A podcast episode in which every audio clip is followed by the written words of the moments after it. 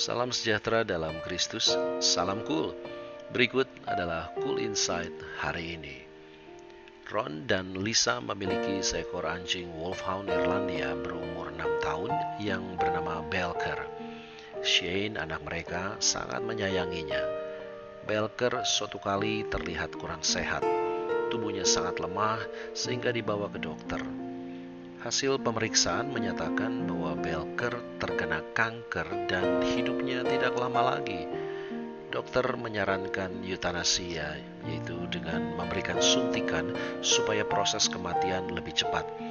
Ron dan Lisa menyetujuinya, tapi mereka khawatir apakah Shane sanggup menerima kenyataan untuk kehilangan Belker. Bagaimanapun juga, mereka akhirnya memutuskan untuk memberitahu Shane dan mengajaknya agar ikut melihat proses eutanasia Belker. Pada hari yang ditentukan, keluarga itu datang membawa Belker.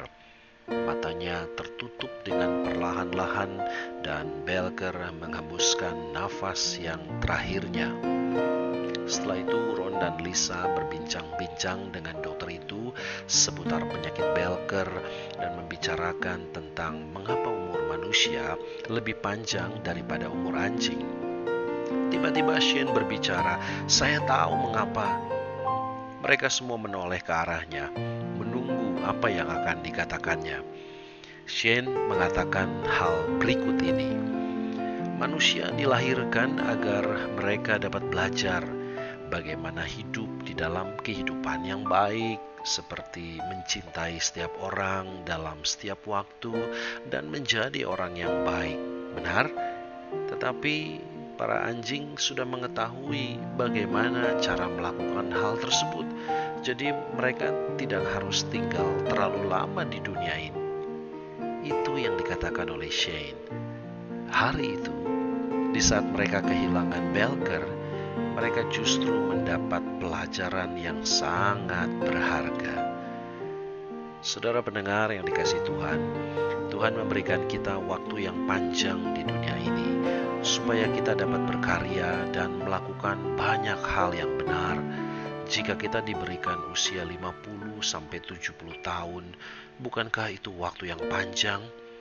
Apakah hari-hari yang kita lewati sudah dipergunakan dengan benar?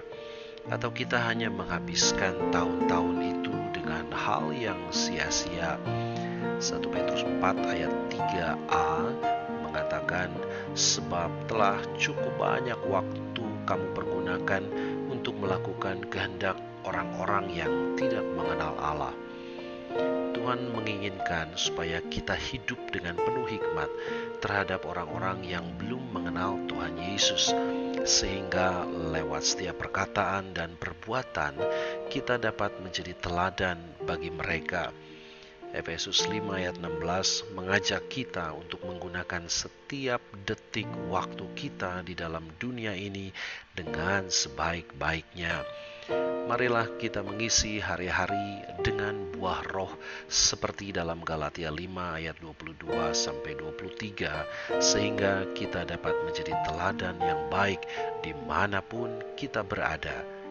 Gunakanlah waktu dengan baik. Selamat malam, Tuhan menyertai Anda semua. Selamat beristirahat.